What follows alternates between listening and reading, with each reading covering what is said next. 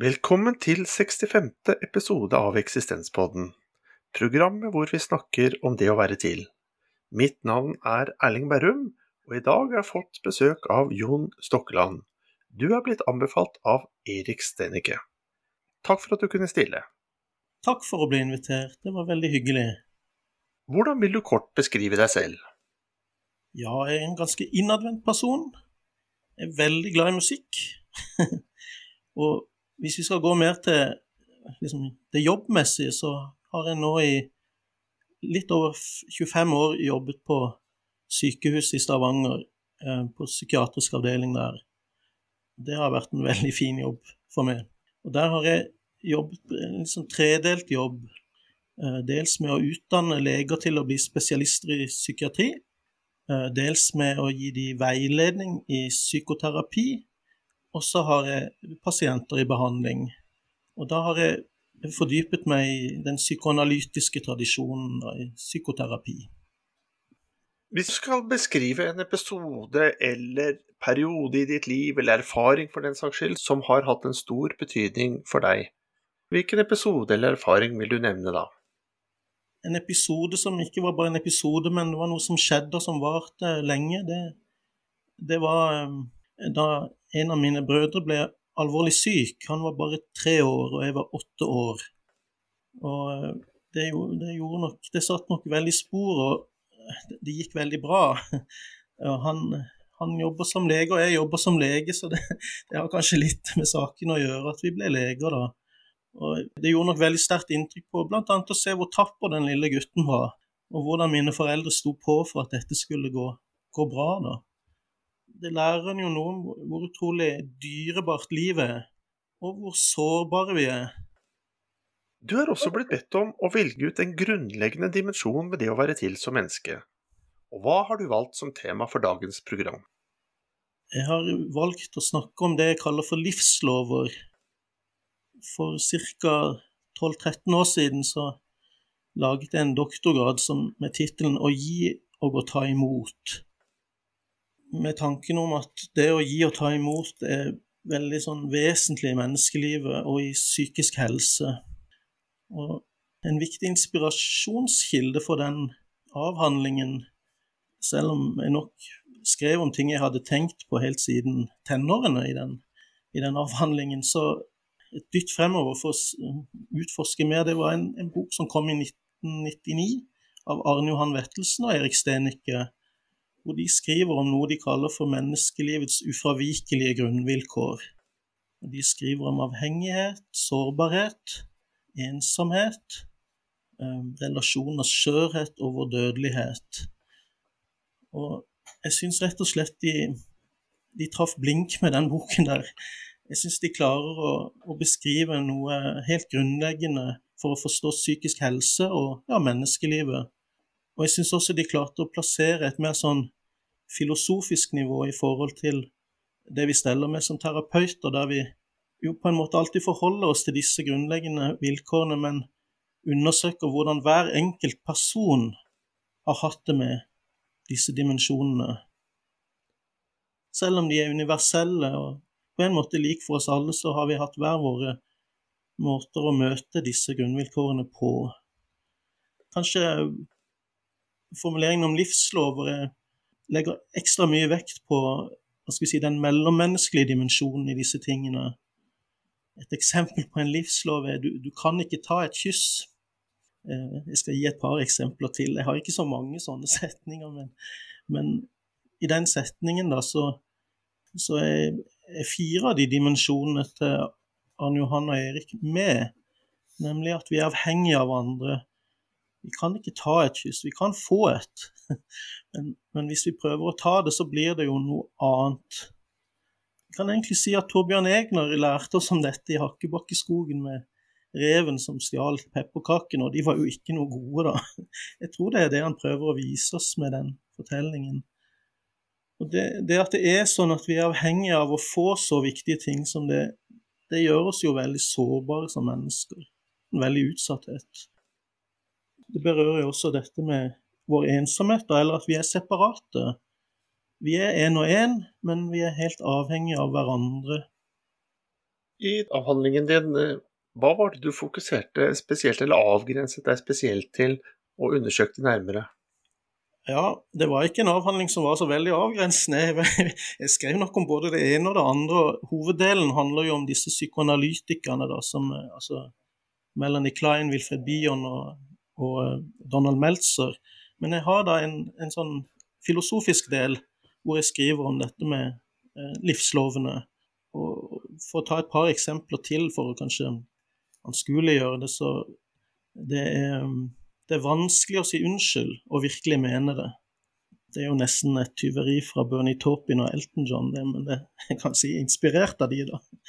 Og så er det en tredje, det er eh, intime relasjoner næres av oppriktighet. På en måte så tenkte jeg, kan jeg bruke et ord som livslover? Noen vil jo si at det er veldig pompøst og nesten svulstig. Men det har jeg også filosofert litt over, hvorfor vi, hvorfor vi lett kan tenke det. da, vi vil jo aldri finne på å si at naturlover er pompøse. Det, er jo, det tar vi bare for gitt. Det er greit. ikke sant? Det, kanskje fordi vi kan bevise de, vi kan bruke såkalte positive vitenskaper. Kan telle, måle og veie og fastslå ting med sikkerhet. Mens når det gjelder livslovene, så er vi avhengig av subjektiviteten vår. Og En av mine helter det er Hans Skjervheim. Og det der fantastisk viktige essay som heter 'Deltaker og tilskuer', ja, og her må vi jo være deltakere da, for å få tak på dette med hvorfor vi ikke kan ta et kyss, f.eks., eller hvorfor det er vanskelig å si unnskyld. Det må vi beskrive ut ifra en subjektiv posisjon. Jeg, tror lett at når vi er over i det subjektive, så tenker vi ja, men da er det ikke noen lover, det er ikke noen lovmessigheter, men, men det tror jeg det er. Eller jeg mener å ha vist det. da. Jeg har, ikke, jeg har ikke sett noen ordentlig gode argumenter for at de livslovene ikke holder vann. Det kan være de finnes. Snakker du da om elementer i vår subjektivitet som er gjennomgående og felles for oss alle? Egentlig. Jeg tror jo dette her er universelt og tidløst. Men måten vi forholder oss til disse på, de er jo høyst individuelle og varierer veldig fra kulturer og sånn. Av de ulike livslovene som du viser til, er det noen form, form for intern relasjon mellom de? Er det en type rangordning mellom de, eller er de likestilte livslover? Uh, vel, jeg har ikke drevet så mye med uh, holdt på å si, Jeg har ikke tid, for det, jeg, må, jeg må gjøre jobb, jobben min. Så dette her er jo en slags hobby, å sitte og skrive artikler om livslover og sånn. Det er en viktig hobby. Og jeg, jeg, tror, jeg har ikke lagd noen rangordning, men jeg, jeg, tror på en måte de henger nært sammen. De er naboer. Og de, de er jo på en måte variasjoner over, over disse grunnvilkårene som Arne Johan og Erik eh, skrev så fint om og har fortsatt å skrive om. Um, la oss ta det med å si unnskyld og virkelig mene det. Uh, hvorfor er det vanskelig? Jo, da må du jo på en måte innrømme at den andre har uh, betydning for det. Og du kan ikke bestemme hans eller hennes respons. Du, du kan ikke kontrollere det. Du er, du er, veldig utsatt og sårbar da. Og du må også innrømme at du har gjort feil. Du er ikke, så, du er ikke noen verdensmester, du er ikke noen Supermann. Du er bare et vanlig, feilbarlig menneske. Og Hvis man strever med det, så, så får man trøbbel med men, men, det er vanskelig å si unnskyld for de fleste. og ja, Det har bl.a. med disse tingene å gjøre. Men, men i, i, det hele tatt at det finnes noe sånn som tilgivelse eller unnskyldning, eller at vi kan gjenopprette skader som har skjedd i relasjoner. Det er jo et, et slags under.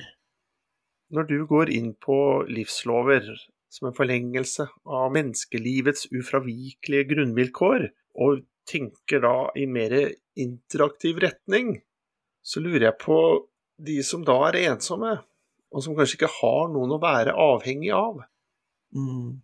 Det, det, er virkelig en tragedie i vårt samfunn at det finnes så mange ensomme mennesker bare for å si det, så tenker jeg at jeg tenker også på den avhengigheten vi har til de figurene som er inni oss. Altså at På en måte er vi alle ensomme, for vi har med oss våre indre eh, Det Freud kalte overjeg, som han senere i psykoanalysen har kalt indre objekter. Sånn at eh, jeg har tenkt litt på disse som, som dro ut i ørkenen og satt på søyler og sånn. og Hvis de klarte det og hadde det bra der, så tror jeg de må ha hatt noen veldig gode mellommenneskelige erfaringer før de dro ut. Sånn at de hadde med seg noen inni seg som sa du finner nok ut av det i morgen, det, det filosofiske spørsmålet du har tenkt på. Ikke gi opp, eller nå må du sove, eller altså en, en sånn indre gestalt da, som, som, trøster og oppmuntrer og, og hjelper. Mens eh, dessverre så, så, er, så, kan det bli en overvekt av ja, indre objekter som sier det motsatte. Jeg, jeg, har vært veldig, og er veldig, veldig glad i Ibsen. Jeg ser på han som en slags tidlig psykoanalytiker. og og Brann, som jeg syns er virkelig et mesterverk, han, han, møter en sånn indre figur helt, helt mot slutten. Og den, den, sier 'død, de har ikke verden bruk for'. Og det er en del av oss som hører sånne hva skal jeg si, indre stemmer som det. Og da er det viktig at det kommer noen og sier 'jo, vi har bruk for det'. Vi har bruk for det. Kan ikke du være med oss her? Så, sånn å, motvirke ensomhet og isolasjon det er noe av det viktigste, tror jeg, i, ja, i mitt fag da, og i, og i lignende fag. Ja, i, på skoler og sånne, sånne, steder i samfunnet. Motvirke ensomheten. Tenker du det er mulig å, å se de ensomme? En del av de som er ensomme, de, de bryr ikke folk. ikke sant? De, de lever sine ensomme liv og gjør, gjør ikke noe de, og, Det tror jeg er en av farene med det. Og, og, da kan jo de føle ja, men det er jo ingen som bryr seg om meg. Hvis jeg ikke lager noe kvalm en plass, liksom, eller gjør, gjør, et eller annet rart. For å kanskje gå litt til mitt eget fag, da, så, så syns jeg jo det kanskje har vært en, et fremskritt i faget at de har lagd til sånne team som drar ut til eh, veldig ensomme mennesker. Altså mer sånn oppsøkende virksomhet. Endrer vårt forhold til livslovene seg med alderen?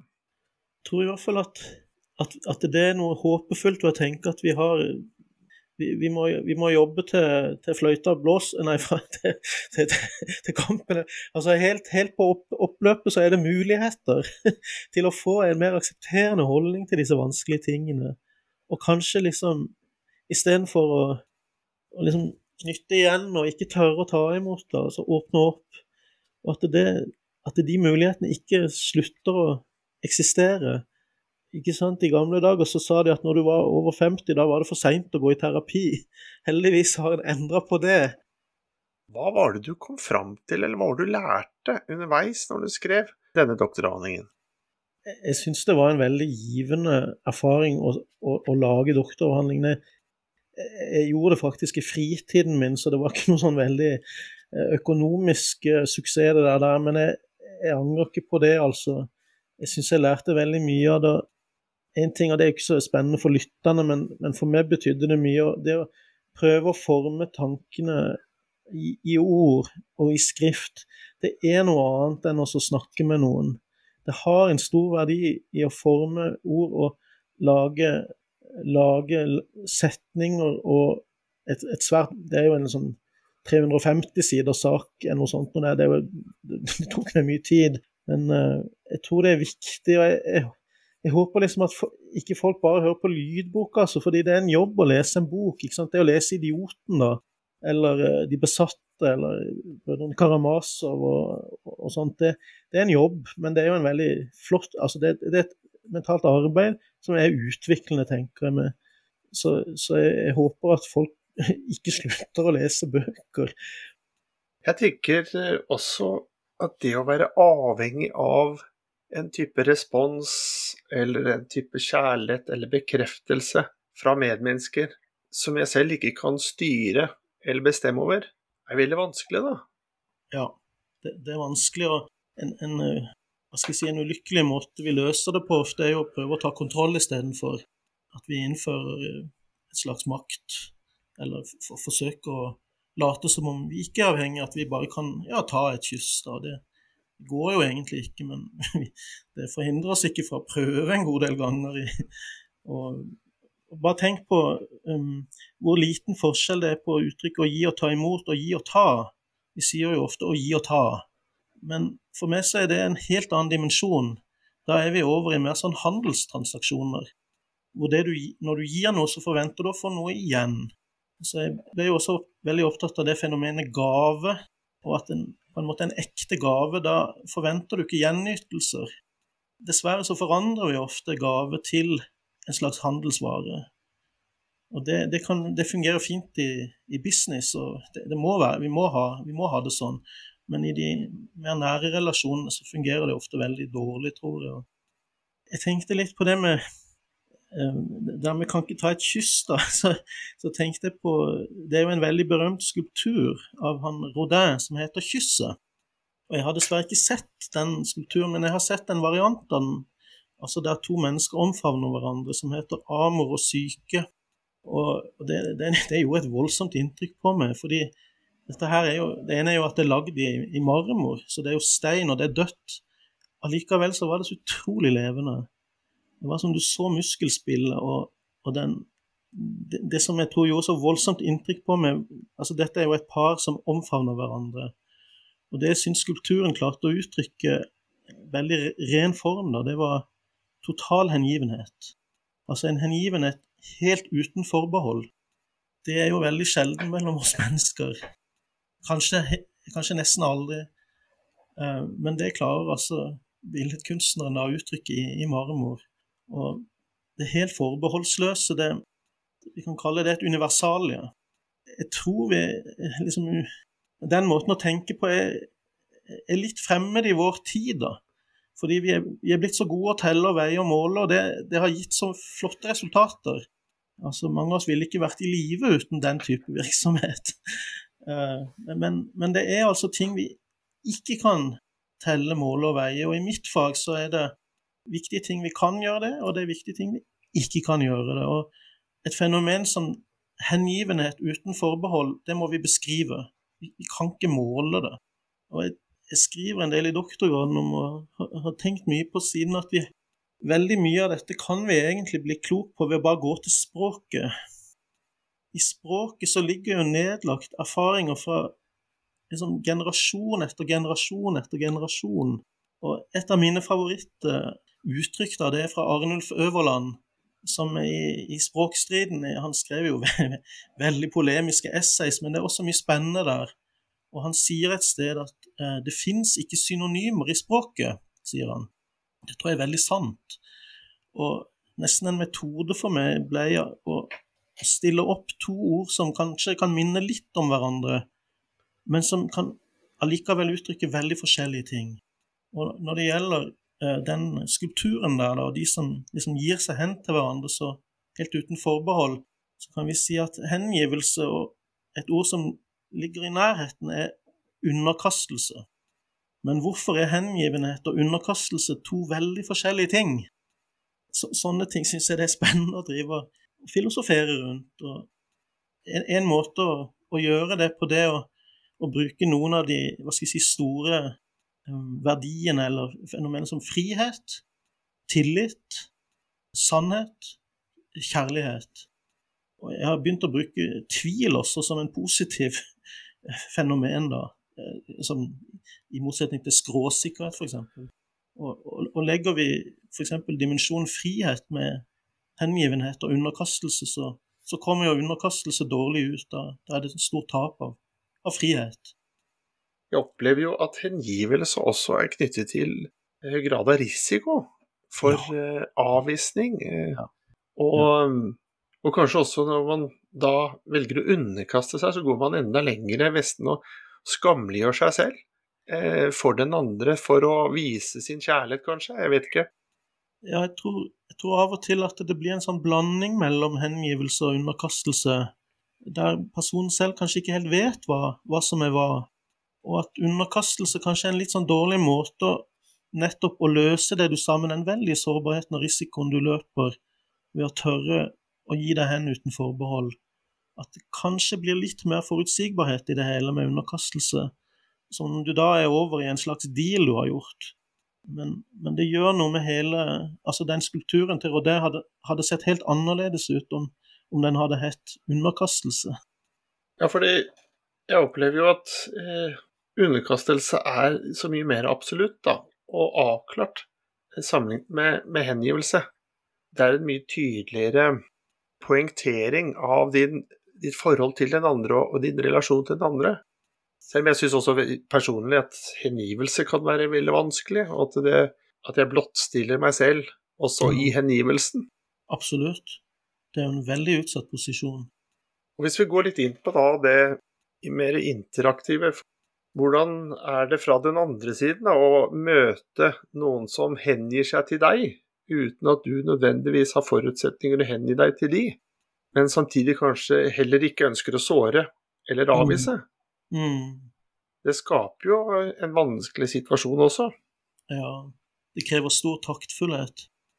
Disse tingene Vi tenker jo ofte på det som veldig positivt, og det er positivt, men det er også veldig farlig på en måte. Det er veldig farlige steder å oppholde seg på. Samtidig så Noen av de stedene der livet er ja, det vakreste. Vi snakker jo litt om dette med å hengi seg til en annen, men jeg tenker også på hengivelse knyttet til det å være til.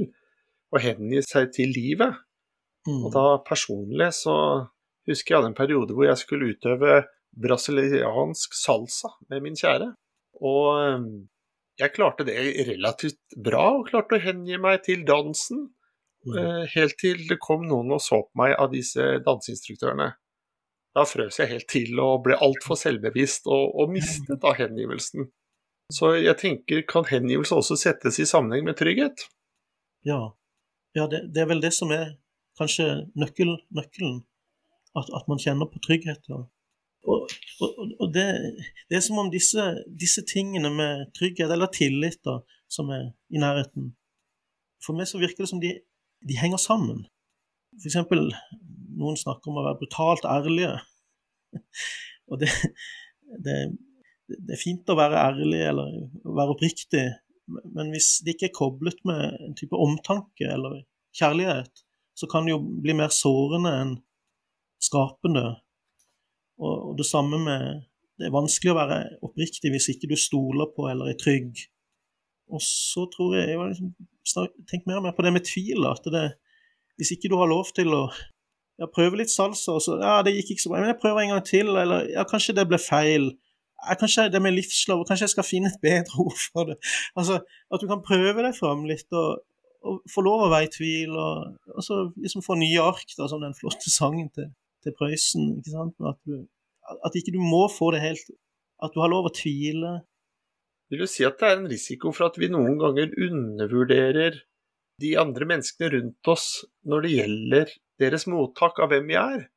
At vi kanskje trygger oss for mye ved å ikke risikere noe, og så overdriver vi risikoen, og at det ikke er så stor risiko for å spille seg selv ut i større grad. Da. Det, det, det der hørtes veldig spennende ut. Så går vi liksom gjennom et helt liv og har beskyttet oss selv, eh, og så var det ikke ja. så stort behov for det likevel. Vet du, Jeg tror du traff spikken på hodet. Eller jeg kjenner, jeg syns det gir så veldig mening i, i, forhold til mitt fag, da. Men, men det er klart, er man, er man, sveket på de her tingene, er, er det noen som har misbrukt tilliten, så, så, så, trekker vi oss sammen og blir redde, naturlig nok. Har du sett eh, gamle stumfilm av Harold Lloyd, en sånn komiker? Ja, ja. Når han står på den trikkeskinnen og venter på at trikken skal komme for å kjøre over han, og så står han og knyter seg sammen og lukker øynene, og så kjører trikken forbi på den andre siden. Litt sånn tenker jeg også i forhold til alt vi frykter og binder oss for i livet. Det vi frykter skal skje, det er ikke i nærheten av å skje, det kommer til å passere oss.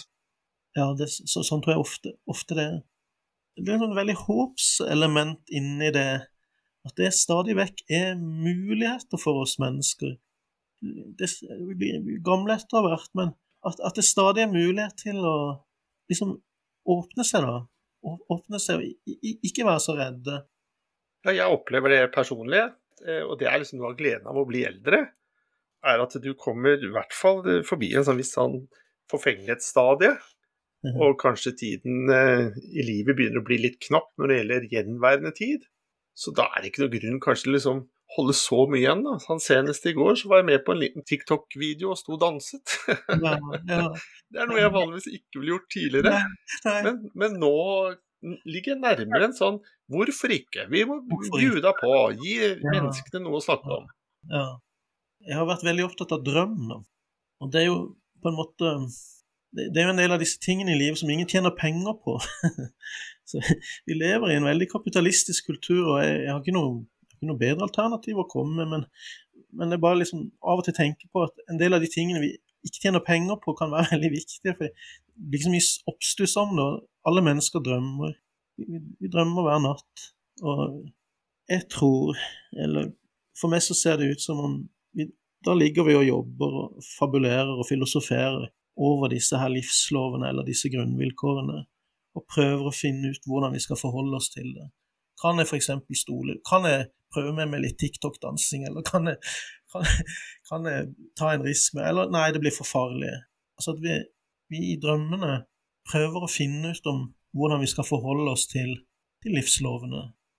Du nevnte også kjærlighet eh, tidligere. Og kan kjærlighet også knyttes til at det er rom for gjensidig hengivelse? Ja, kanskje det er det som er kjærlighet. Mm. og det er jo fint med den eh, den skulpturen til Rodin, det er jo to stykker. Og de, han har klart å få de veldig hengivne, begge to. det å ta et valg om å våge å hengi seg, det er jo noe man på en måte kan ta sammen nå? Kanskje. Jeg tror jo ofte vi ikke opplever at vi har et valg.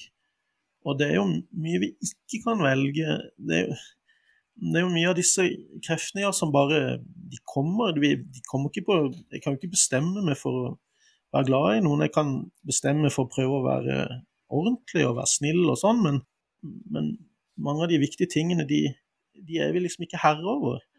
De, de, vi kan ikke gå i en butikk og kjøpe det. Vi kan ikke bare bestille det innenfra. En som jeg syns har skrevet så fint og viktig om det, det er Løgstrup, da, med, med det han kaller suverene eller spontane livsytringer. Hvor barmhjertighet er en av de, og det, det, det er liksom ikke noe vi bestemmer og råder over selv, men vi blir mer et åsted for barmhjertigheten. Det, det syns jeg er en dyp tanke han, han har der. Med din bakgrunn så er du jo godt kjent med eksponeringsterapi, men det å, å velge å våge å eksponere seg selv i større grad overfor eh, andre mennesker eller livet som mm. sådan, det er jo elementer av valget her, tenker du ikke det? Jo, men jeg tror nok mange også opplever at ikke de er helt klarer å velge det, da, og, og at det vi kanskje prøver på i terapi, det er å gi større valgfrihet. og På en måte kan du si at det driver med med, med samtalebehandling eller psykoterapi, en eneste lang eksponeringsterapi for, for terapeuten, da, for et medmenneske. Hvor mye kan jeg stole på han? Er det, er det trygt? Kan jeg si det jeg føler? Og Det gir jo en anledning til å undersøke det, da. La oss ta dette med å gi og ta imot. da. Hvis jeg, hvis jeg f.eks. deler en idé med med pasienten min, og så, og så sier pasienten ja, ja, det var veldig bra. og så tenker jeg mm, men mente du det egentlig, f.eks. Så kan jo jeg finne på å si det. Følte du at du måtte si ja, eller hva? Sånn, for at jeg skulle bli fornøyd, eller følte du virkelig Altså undersøke da den grad av fri Om de har et valg. Om de f.eks. kan si nei, det er jeg uenig i. Jeg opplever det ikke sånn. Eller må man si ja? På en måte så så er kanskje sånne terapi et, et forsøk på å øke valgfriheten. Gjøre gjør det mindre skummelt å, å hengi seg, f.eks. Eller Apropos livslover. Det er jo slik at noen kanskje har et litt mer avstandsforhold til dem, og noen har litt større nærhet til dem, og noen kanskje også fortrenger dem. Hvilke tanker har du om det? Jeg tror vi alle fortrenger de deler av tiden, eller til og med benekter de. Så, så, det er ingen som slipper unna å streve med det, tror jeg. Det er universelt i, i mine øyne. Men det er jo gradsforskjeller, og en kan tenke litt på hvis en går fra den terapirommet da, til den mer allmenne kulturen, så tror jeg jo at f.eks. en oppfinnelse som teateret hjelper oss veldig i å få øye på disse tingene og jobbe med dem. Jeg, jeg tror det er en av grunnene til at vi går i teater, det er at dikterne hjelper oss til å se disse tingene. og Norges nasjonalverk heter jo Per Gynt. Han er en fantastisk låtfigur. han er jo på en måte det og med, men han går utenom hele livet. Helt, til, helt på slutten av siste akt. Han går utenom, han sier det jo sjøl. Helt på slutten så Nei, nå må jeg gå igjennom. Jeg kan ikke gå utenom mer. Hvordan tenker du de ulike livslovene og dimensjonene som du har nevnt, også kan snus til noe positivt for oss mennesker?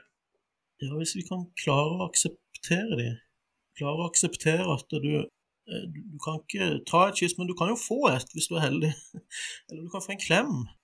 Eller et varmt blikk. Eller et hei fra en på jobben. Eller ja, og så videre og så videre. Det, det sier jo for så vidt egentlig også noe Jeg lurer på om det er eh, Morten Skogmus eller jeg husker ikke helt, som sier men du kan jo bare gå på besøk, sier han til det. Men så får du liksom Det blir tilbudt ting på når du går på besøk, da. Så de mulighetene er jo der. Men, men det er klart det er mennesker som i veldig liten grad opplever det. De har mer blitt tatt fra enn å få, som jo er en tragedie, da. Spesielt barn. da barn som, som istedenfor å få det de trenger av ja, kjærlighet, omsorg Noen som sier nei når, når, det skal sies nei. Det er viktig. Det sier mor Åse. Hun sier at uh, det falt meg så svært at stå meget imot, sier hun. Hun klarte ikke å si nei til Per.